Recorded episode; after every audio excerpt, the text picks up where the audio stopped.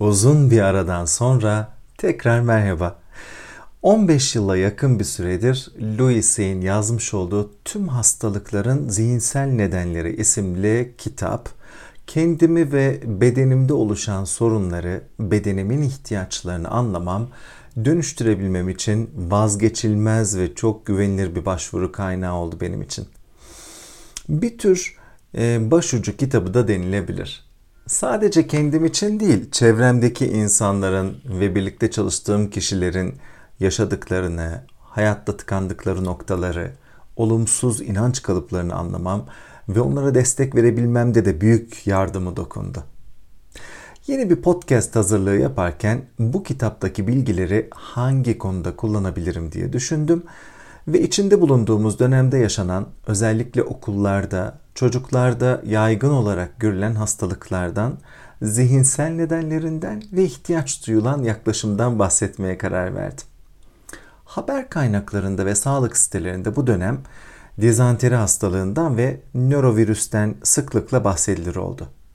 Bazen yaşanan birkaç benzer semptom üzerine kesin bende şu var ya da çocuğumda şu var diye teşhis koymaya, paniğe kapılmaya yatkın olabileceğimizi düşünerek hastalığın isminden çok yaşanan yaygın sorunlar olan mide bulantısı, karın ağrısı, kusma ve ishal üzerinde durmak istiyorum. Louis'in kitabına bakalım.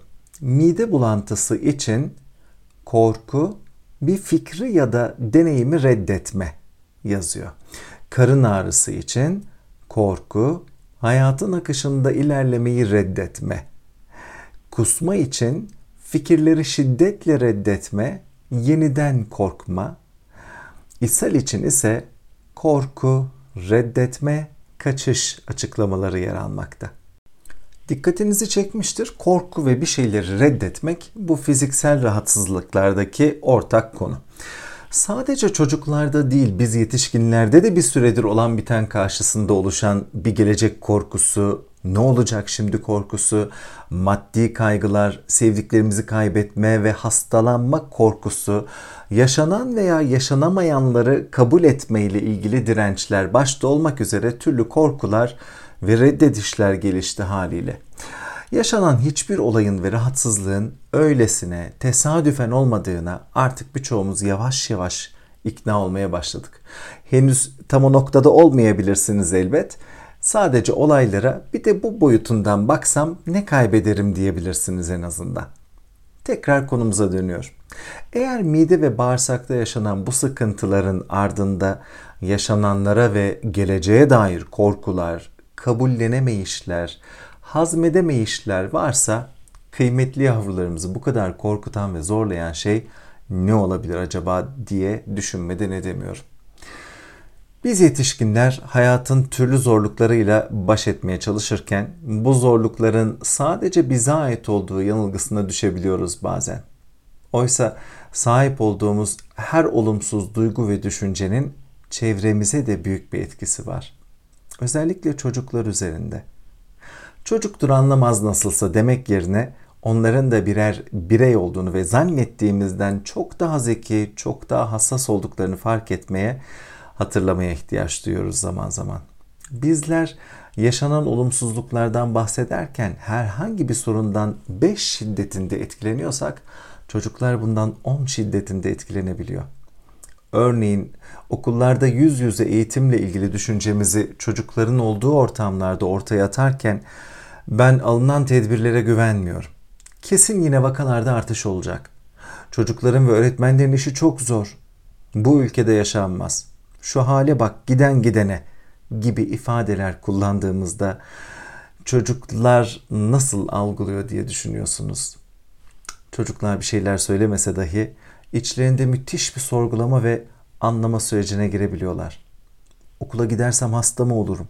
Ben de ölür müyüm? Benim yüzümden annem ve babam zarar görür mü? Öğretmenimin başına kötü şeyler gelir mi? Okulu yeniden kapatırlar mı? Gibi türlü düşünceler ve cevapsız sorularla baş etmeye, bunları hazmetmeye çalışabilirler.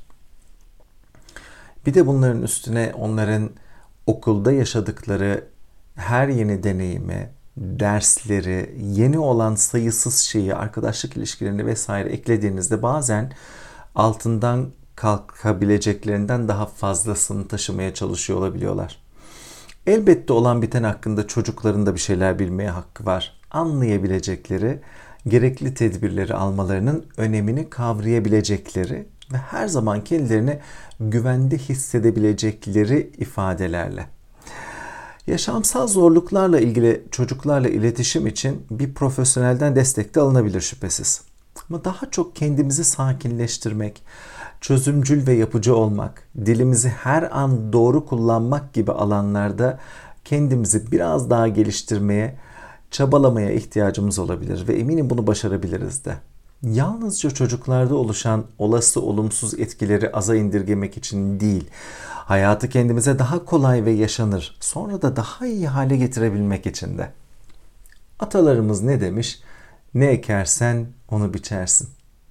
Yıkıcı ve soruna takılı kalan düşüncelerle ortaya çıkanın sadece mutsuzluk ve kaos olduğunu, yapıcı ve çözüm odaklı düşüncelerin daha iyi sonuçlar doğduğunu unutmamak gerekiyor. Biz bu hayatta ne istiyoruz? Sorunların içinde kaybolmak mı?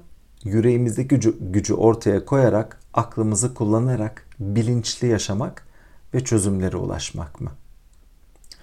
Çözüm yok ki bazı konular çözümsüz dediğiniz anda bile sakince şu an elimden en iyi ne gelir sorusunu sorabilir ve sakin kalmayı seçerek enerjinizi yükseltecek ortamlar yaratmayı seçebilirsiniz. Oturup tüm aksaklıklara rağmen nelere sahip olduğunuzu düşünmek ve şükretmek bile bunun için yeterli olacaktır. Şüphesiz neyle? Biraz gayretle ve çözüme ulaşmayı gerçekten isteyerek.